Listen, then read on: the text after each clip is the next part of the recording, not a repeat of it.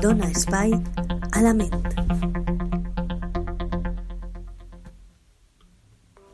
Hola a tots i totes, benvinguts una setmana més a Dona Espai a la Ment.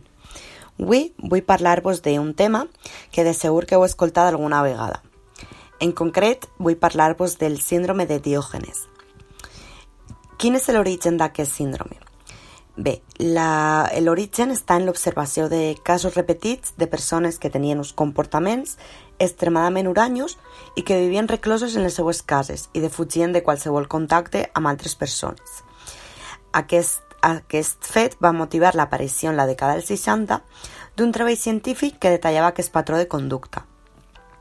En 1975, aquest patró de conducta es va convertir en el síndrome de Diògenes, en referència a Diògenes de Sinope, un filòsof de l'època d'Aristòtel famós per preconitzar una manera de vida àustera i renunciar a tota mena de comunitats. Les persones amb la síndrome de Diògenes es caracteritzen per acumular a la seva casa grans quantitats de brossa i de coses que no aprofiten per a res, és a dir, de desaprofitaments. Quines són les causes d'aquest síndrome? Bé, aquest síndrome afecta sobretot a les persones majors de 65 anys, però normalment sol ser una malaltia que apareix a conseqüència d'altres patologies prèvies, com ara un, trastorn de personalitat obsessiu-compulsiu o per altres conductes que poden agrejar-se com el col·leccionisme o altres causes. Almenys la meitat dels pacients que pateixen aquesta malaltia sofreixen alguna eh, classe de malaltia mental.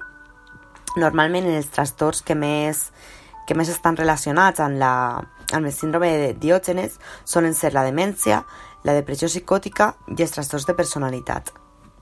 Quins són els símptomes que presenta una persona amb Diògenes, amb síndrome de Diògenes? Bé, l'aïllament social, la reclusió en la pròpia casa, l'abandonament de la higiene, són les principals pautes de conducta.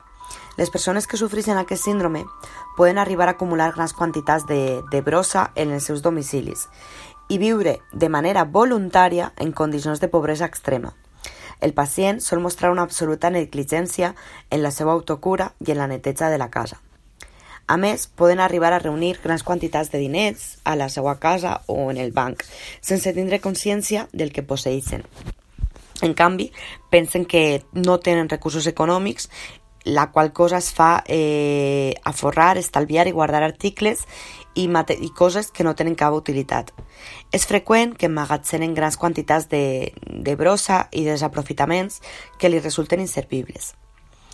Els pacients que sofreixen aquesta malaltia no tenen consciència de si mateixa i solen rebutjar qualsevol tipus d'ajuda externa no saben donar arguments per explicar la seva conducta i en, aquest, en alguns casos en els que sí que donen arguments solen ser eh, arguments mm, psicòtics. La funció cognitiva i social, eh, en aquest cas, estan clarament alterades i no es troba cap patró a l'hora d'acumular les coses.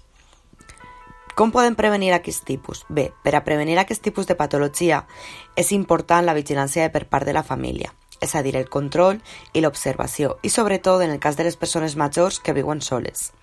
S'ha de prestar especial atenció en els casos, en els, en els casos perdó, en els quals la persona té una tendència a l'aïllament social o comencen a, a mostrar-se descuidats.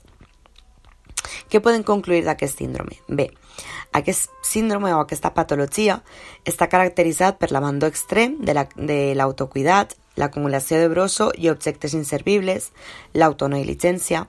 A més, està marcat per l'aïllament social i la nula consciència de la malaltia. Sí que és de veres que fins al moment la recerca científica en aquest cas, en aquest camp, ha sigut escassa, fins i tot arribant-se a qüestionar la validesa del diagnòstic. Entre un terç i la meitat dels casos de síndrome de Diògenes eh, s'acompanyen amb demències o d'algun tipus de trastorn mental, com ara l'esquizofrènia, el trastorn de personalitat, el trastorn afectiu o inclús l'alcoholisme. Bé, espero que us hagi resultat interessant aquest tema que hem parlat avui i es veiem la propera setmana. Gràcies per estar ahí.